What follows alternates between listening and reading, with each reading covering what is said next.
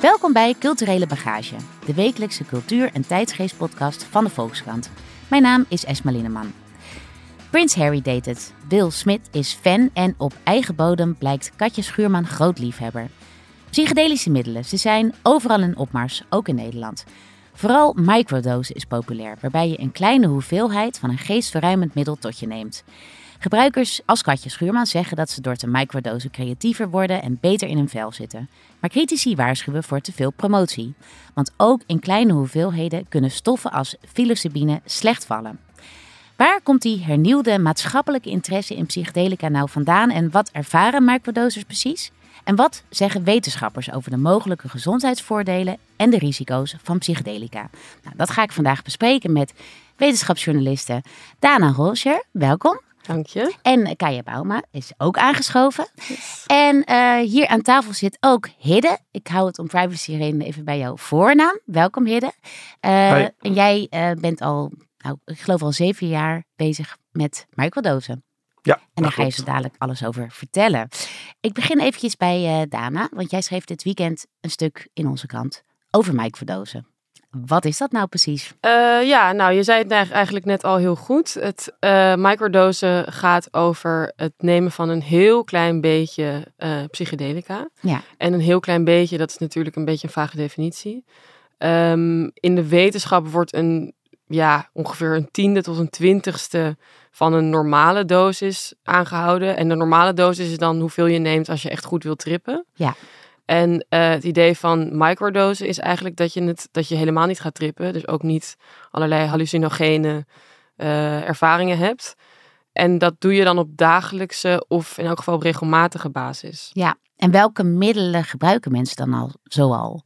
Nou, er zijn twee vooral uh, populair. de eerste is psilocybine.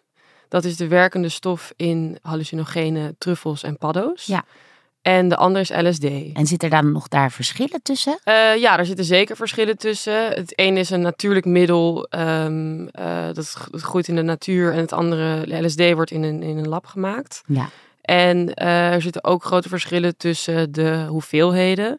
Want van psilocybine en, en die kleine truffels moet je wel iets meer nemen. En LSD is veel geconcentreerder, dus dan gaat het echt over microgrammen. Ja, ja. Dus dat is wel. Uh, dat Misschien ook wel wat lastiger te doseren dan Zeker. nog uh, LSD. Ja, Zeker. precies.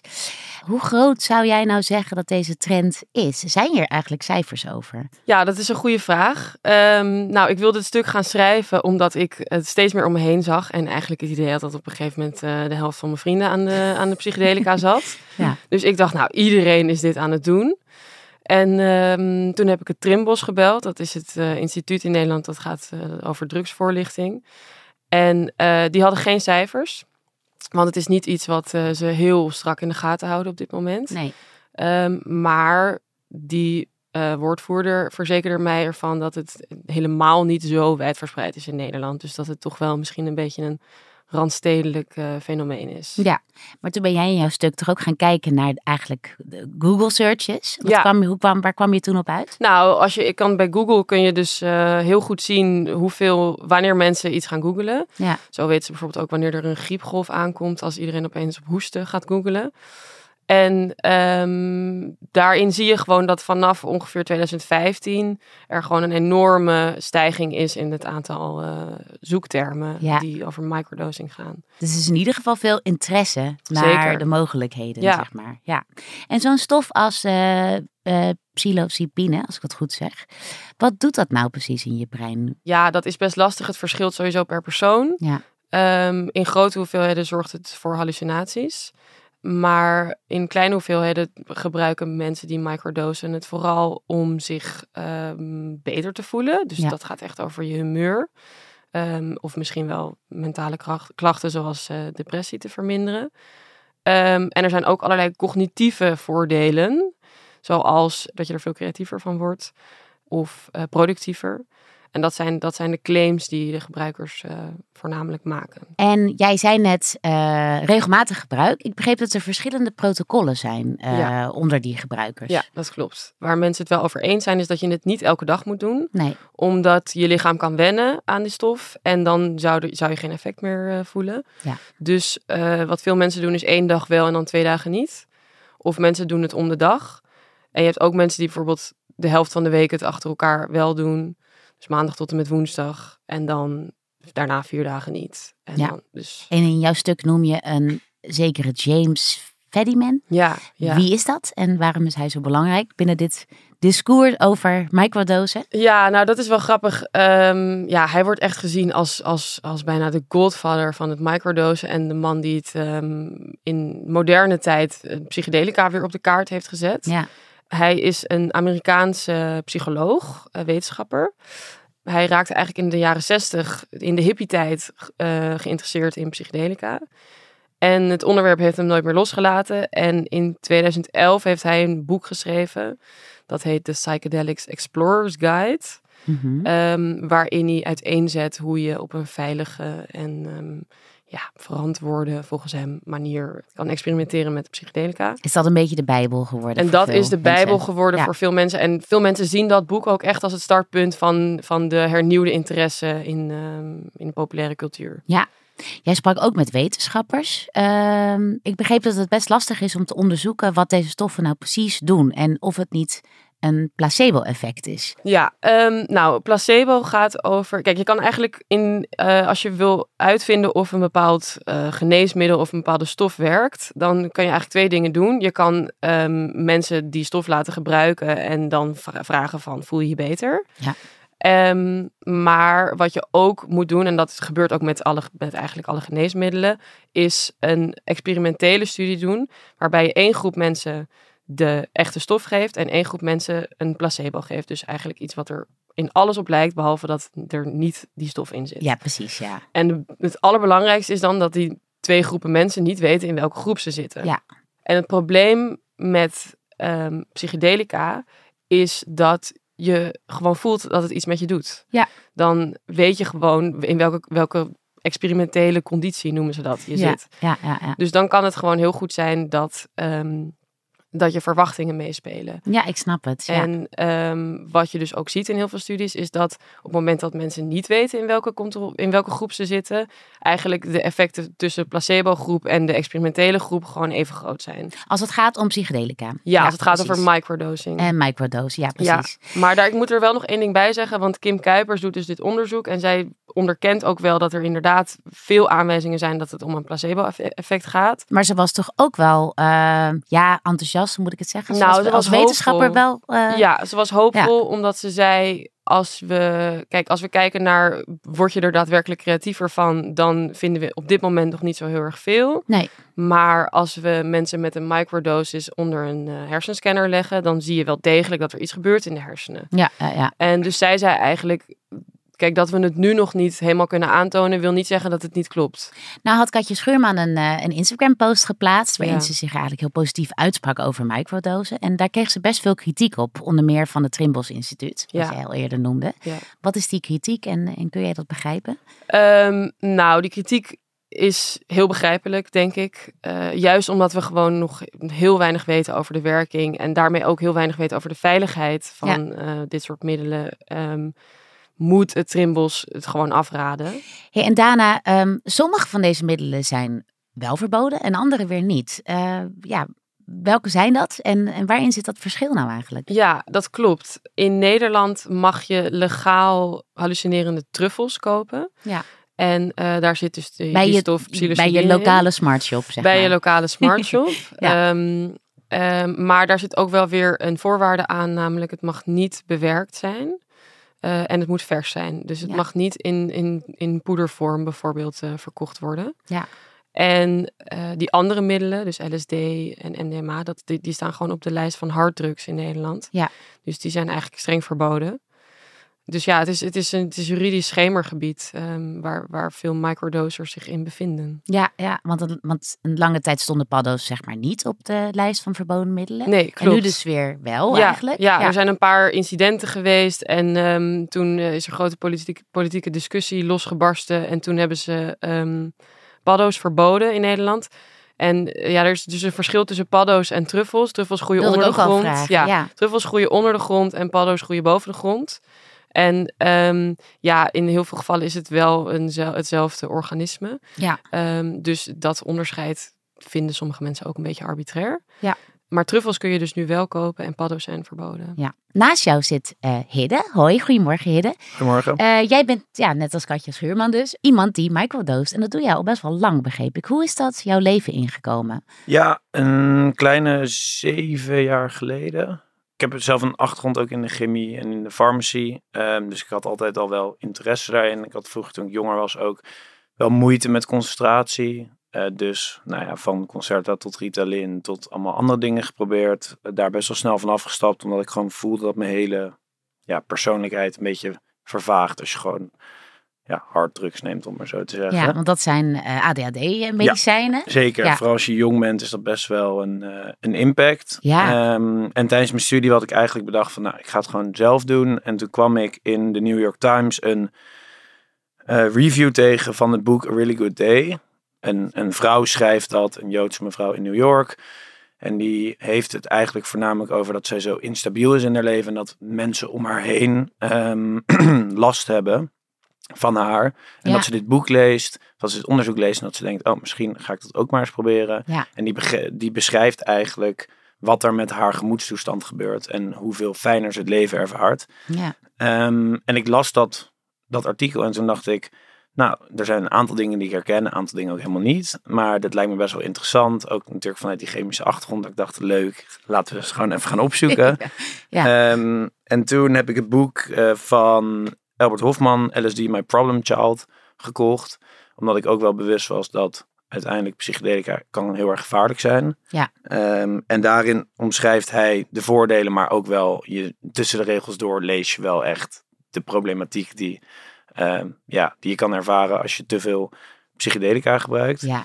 En dat in combinatie met nog wat andere onderzoeken dacht ik op een gegeven moment, ik ben wel gewoon van het proberen. Eh, dus ik dacht, nou, weet je wat, ik, Ik ga, het gewoon doen. eens, ik ga het gewoon eens doen en dan gaan we zien wat er, wat er van, eh, van komt.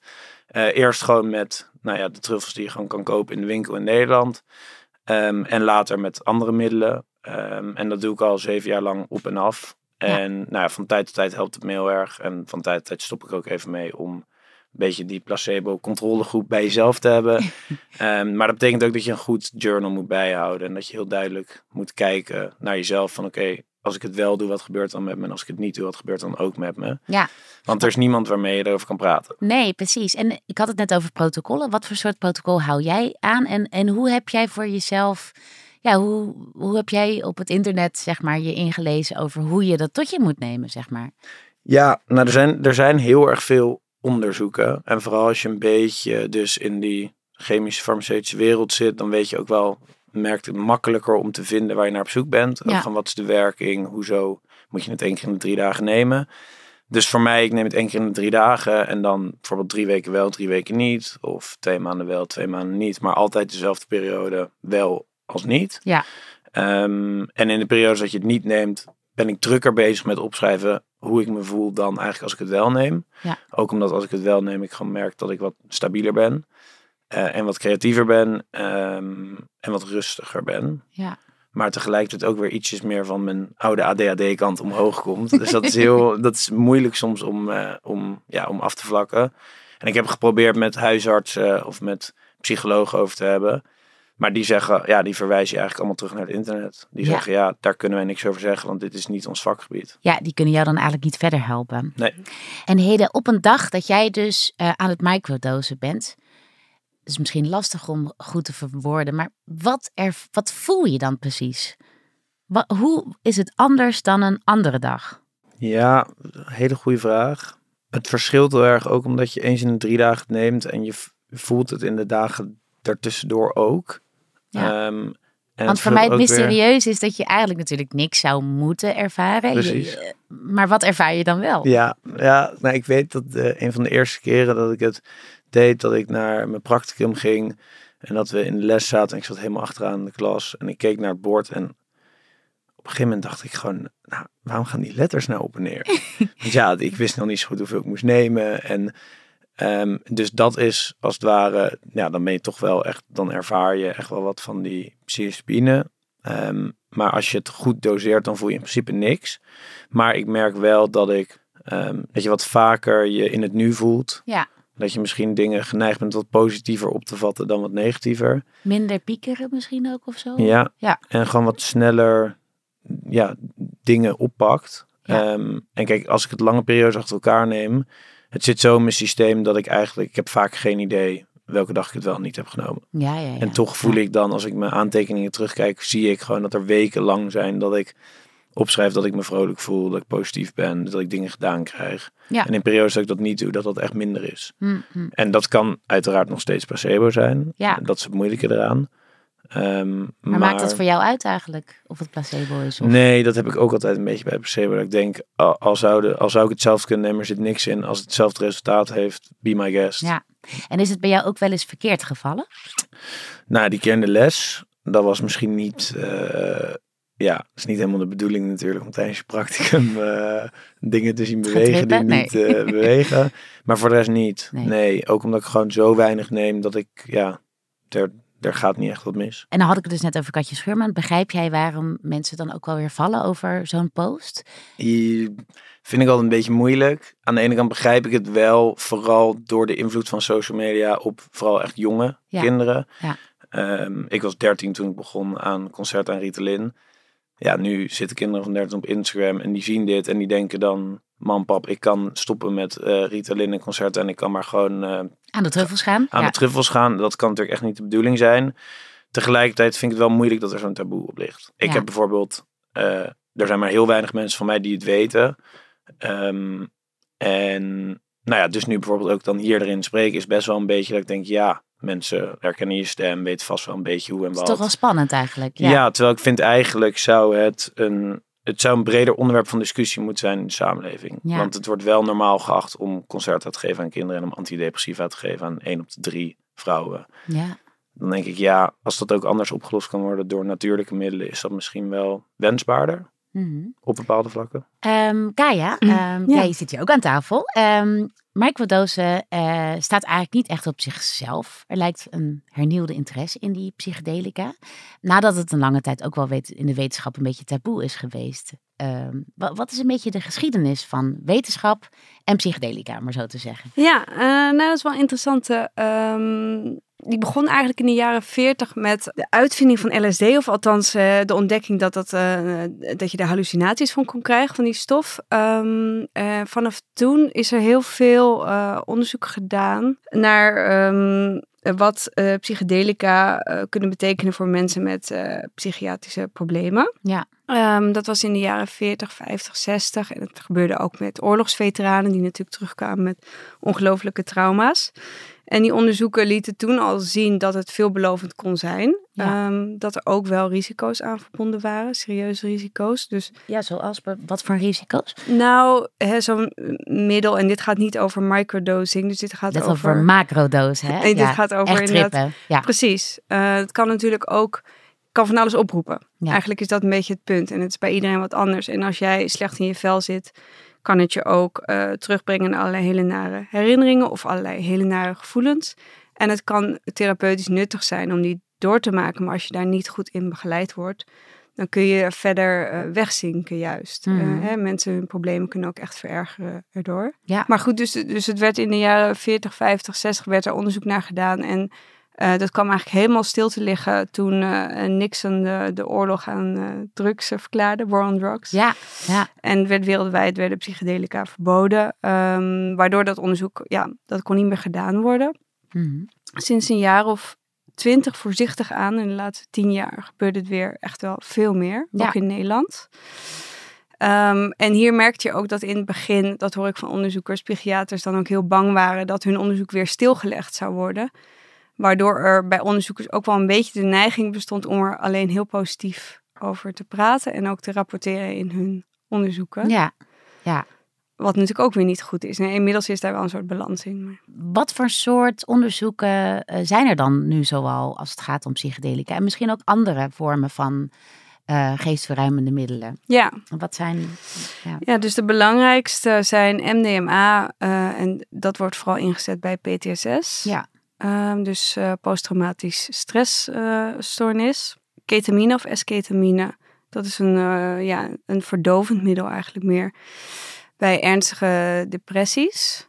En psilocybine ook, wordt, wordt nu ook wel veel onderzoek naar gedaan. En op veel kleinere schaal, eh, ayahuasca bijvoorbeeld. ja. Ehm, en allerlei nieuwe genetische, chemische. En, en ayahuasca voor de mensen die dat, Ja. thuis, die dat wel eens van hebben gehoord, maar niet precies weten wat het is. Wat is dat? Nou, dat is een natuurlijk middel uit, eh, het komt uit de oerwouden, de Amazone geloof ik, uit Ja. mijn hoofd. En dat is een middel waar je eh, in ieder geval heel erg van gaat hallucineren ehm, en ook enorm van gaat overgeven, of dat kan zo zijn. Ja. En dat wordt al heel lang gebruikt in een soort rituele vormen, in bijvoorbeeld landen als Colombia, Brazilië. En dat heb je hier nu, eh, werd dat een aantal jaar geleden, was het hier ook best wel populair. Ja. Niet in onderzoekscontext, maar gewoon mensen die daar naartoe gingen. Nou, zo'n ayahuasca-ritueel van eh, duurde ook vaak twee dagen. Ja. Ehm, daar heb ik trouwens toen ook een stuk over geschreven, want die mensen die rituelen aanboden, die eh, adverteerden ook wel vaak met dat het kon helpen bij je psychische problemen. Ja. En er zijn ook zeker mensen die, die daar heel veel aan gehad hebben, maar wij spraken toen ook al mensen die er enorm door in de knoop zijn gekomen, juist Ja. omdat goede begeleiding ontbrak. Wat mij zo lastig lijkt eh, als mensen het zelf gaan doen, is dat enerzijds mensen die niet lekker in hun vel zitten zich aangetrokken voelen tot zo- zowel ma macrodosen, dus Ja. ayahuasca of truffelceremonies, die ook best wel populair zijn, ook in mijn kring. Ja. Eh, en aan de andere kant zijn die mensen natuurlijk extra kwetsbaar. ja. Ehm, herken je dat spanningsveld ook? Zeker, zeker. En dat hoor ik ook van heel veel onderzoekers die dat ook heel ingewikkeld vinden. Want die Ja. worden ook benaderd door mensen die, die, al, die zijn al decennia zwaar depressief, zitten heel erg in de knoop met zichzelf. En die, voor hen is dit misschien wel een laatste redmiddel. Ja. Eh, en hè, die onderzoekers zouden dus ook willen helpen. Maar dat kan natuurlijk alleen nu in een onderzoekscontext. Ja, precies, ja. Eh. En zij zeggen dan toch van, nou ja, probeer het, probeer het niet zelf. Want dat, dat risico vind- vinden wij te groot. En, en jij zegt, Hidde, eh, ik zou eigenlijk wel meer feedback willen hebben. Of ik zou wel eens met iemand kunnen bellen van, hé, hey, eh, wat moet ik doen? Eh, Ja, ik denk, denk dat dat bij ja, veel van dit soort dingen is. Eh, mensen gaan het misschien toch, nou, net zoals ik zelf, proberen. Ja. En ik vind het heel moeilijk en eigenlijk ook niet heel erg goed dat je er niet met mensen over kan praten. Want Ja. het zou het een stuk makkelijker maken. ja, ja, Het ja. zou het voor mij ook een stuk meer richting kunnen geven van tijd tot tijd van hey, ligt dit nu hier aan of ligt het aan mezelf? Want ja, het is niet zo dat het, dat het nemen van microdosing opeens al je problemen als sneeuw voor de zon eh, verdwijnen. Zeker niet. Nee, precies. Dus ja, ik zou het wel fijn vinden als daar een wat meer open gesprek over is. En misschien wel met onderzoekers, dat je die kan opbellen en dat je daar een beetje mee kan sparren en kan kijken, goh, waarom gebeuren dingen zoals ze zijn? Ja, ja. Maar ja, daar is misschien voor nodig dat dit soort middelen weer eh, eh, de- uit de illegaliteit worden getrokken. Maar Ja. is dat een realistisch vooruitzicht, Kaya? Nou, eh, ja, op zich wel. Eh, in elk geval in de zin dat eh, het lijkt er, of de verwachting is dat dit jaar MDMA in de VS worden goedgekeurd. eh, hè, als middel om, voor als psychiatrische behandelmiddel. Ja. In Australië is dat trouwens al zo sinds vorig jaar. Dus daar kunnen psychiaters eh, MDMA en psilocybine voorschrijven aan mensen die Ja. eh, ernstige psychische problemen hebben. En even voor mijn begrip, als we dat dan voorschrijven, gaan mensen dat dan thuis nemen? Of is Nee. het dan in een soort setting? Dus wel Ja. in een Ja, ja, ja, behandelsetting. precies, ja. Eh, en dat zijn ook vaak mensen die al enorm lang met hele zware problemen Die rondlopen. echt Dus- tegen de muren oplopen en alles hebben geprobeerd. Precies, Ja, ja, ja. Maar de verwachting is dat als het in de VS wordt goedgekeurd, MDMA, dat het ook in Europa gaat gebeuren. Ja. Eh, binnen nu en een paar jaar. En dat daarna wellicht psilocybine zal volgen. Dus wat dat betreft is er wel verandering op komst. Maar dit gaat natuurlijk wel over eh, de hogere doseringen bij mensen die echt ernstige problemen hebben. Ja, precies. En eh, nou zijn natuurlijk niet alleen maar mensen die psychisch kwetsbaar zijn of die last hebben van depressies. Dat zijn niet de enige mensen die aan het microdosen zijn. De, de, de- wordt ook ingezet gewoon om creatiever of productiever, energieker te worden. Waarom denken jullie dat dit op dit moment weer zo'n trend is of lijkt te zijn? Dana, wat zegt dat over onze... Ja, ik, voor, mijn stuk, ehm, voor mijn stuk sprak ik met eh Machtel Bus. En eh, zij werkt voor een stichting die zich inzet eh, voor, ja, eigenlijk wat jij net zei, Hidde, het, het open debat rond drugsgebruik. En Ja. zij weet veel van de sociaal-culturele betekenis. En ehm, zij zei eigenlijk, het komt gewoon direct overgewaard uit Silicon Valley. Zij duiden dat microdosing voor, ja, ze noemden het self-enhancement. Dus ja, het verbeteren van hè? jezelf. Ja, Ehm, en dat paste bij haar gewoon volledig in de, tij in de tijdsgeest. ehm, waar we ook zien dat ehm, ja, self-care heel belangrijk is. Ja, precies. En, ehm, En dat overwaaien uit Silicon Valley, wat bedoelden ze daarmee? Nou, dat dus de, de tech-jongens eh, in eh, San Francisco, die eh, alsmaar creatiever en sneller, en dat die dat ge- gepopulariseerd hebben. Ja, jij lacht een beetje, Hidde. Ja, ja, het is natuurlijk niet een, niet een onbekend fenomeen. Al helemaal niet in de, de wereld waar ik in zit. Nee. Ehm, Maar word je er is- ook echt creatiever van? Naar jouw beleving dan, hè? Of in, jouw, ja, jouw in mijn idee? beleving word Ja. ik er wel echt creatiever van. Ja. Eh, ik vind een hele mooie zin uit dat boek Really Good Day. Is dat ze beschrijft dat ze op straat loopt en dat ze gewoon, het is gewoon een normale dag. En ze kijkt naar omhoog en ze ziet opeens een boom en ze realiseert zich dat ze echt zeg maar dit moment in het nu is. Hoe mooi de wereld is, hoe mooi de leven is. Ja, Ehm, en dat, ja, een beetje grounded zijn, eh, wat sommige mensen vaak wat zweverig vinden klinken, past natuurlijk ook wel in onze tijdsgeest, waar iedereen, helemaal in onze generatie, mee bezig is. Je moet gelukkig zijn en het leven is een plezier en de hele nou ja, oude YOLO-terminologie, om maar zo te zeggen. ja. Die past natuurlijk heel goed Ja. in de tijdsgeest van, echt oh, pluk de dag, eh, Ja. ga microdosen. Dat is eigenlijk een beetje... ja, waar en we dat naar is, kijken. ja, Ja. en dat is soms wel echt het resultaat. En dat kan natuurlijk heel fijn zijn, maar dat is ook meteen het gevaar dat erin schuilt. Ja. Dat je dat dan maar als je een beetje chagrijnig bent, dat je denkt, oh, dan neem ik wel een extra druppeltje en dan voel ik me weer goed. Dat Ja. is natuurlijk ook niet. De, Ja. ja, plus misschien, en dat vraag ik me dan ook af... negatieve gevoelens of verdrietig zijn... hoort natuurlijk ook wel bij het leven. Ik zou zeggen. Ja, Ja. Ja. eh, en niet creatief zijn eh, zoals ik eh, ook wel eens ben, zeg Ja. maar. Dat is Ja. eh, gewoon onderdeel van eh, de dagelijkse sleur die bij Ja. je mensenleven past, denk ik dan. Ja. Moeten we dat allemaal wegpoetsen Ja. met een druppeltje olie hier of een truffeltje daar? Kaya, wat, wat kunnen wij nog verwachten aan wetenschappelijk onderzoek? Ehm, ja, waar, waar, waar, Ja. waar wordt op dit moment de hoop op gevestigd? Als het gaat om geestverruimende middelen die mogelijk kunnen helpen tegen nou ja, ernstige klachten. Ja, nou ja, dus die, dus die eh, goedkeuring van MDMA en psilocybine zijn wel echt, zouden hele grote stappen zijn. En dat maakt het. En nu kun je dit soort middelen alleen krijgen in een onderzoekscontext. Ja. Dus dan moet je precies voldoen aan eh, wat de onderzoekers willen. En dat, dan, dat zijn vaak mensen die de niet ingewikkelde casussen. Dus als dat gaat gebeuren, dan, dan, eh, dan wordt dit voor veel meer mensen eh, toegankelijk. Ehm, dus dat zijn sowieso grote stappen. En verder qua onderzoek, ja, zijn ze nu heel erg bezig, bijvoorbeeld met, ehm, je kunt eh, elektroshocks krijgen als je heel erg depressief bent al heel lang. Mhm. Ehm, maar dat heeft enorme bijwerkingen, kan dat hebben, ook geheugenverlies bijvoorbeeld. Eh, dus ze zijn aan het kijken van, werkt ketamine nou niet eigenlijk beter als ketamine? Eh, dat onderzoek loopt nu en dat zou natuurlijk eh, heel mooi nieuws zijn als je hetzelfde effect kan bereiken. Ja. Zonder alle bijwerkingen. Ja, Ja. maar misschien net zoals met de elektroshocks geldt, don't try this at home. Eh, ja. Zeker, ja, precies, ja. Ja, en er ja. zijn ook bijwerkingen bij esketamine voor de Natuurlijk, duidelijkheid, ja, maar ja. milder. Ja. ja. Nou, dank jullie wel voor jullie komst naar de studio. En extra dank voor Hidde. eh, want ja, bijzonder dat je hier komt vertellen over iets wat toch ook nog een beetje in de taboe sfeer is. Dus dank je wel. Yes, heel leuk. Dank Ja. eh, dat ik hier mocht zijn. Dit was Culturele Bagage. Montage wordt gedaan door Team Hageman en eindredactie door Corine van Duin, Emily van Kinschot en Julia van Alen.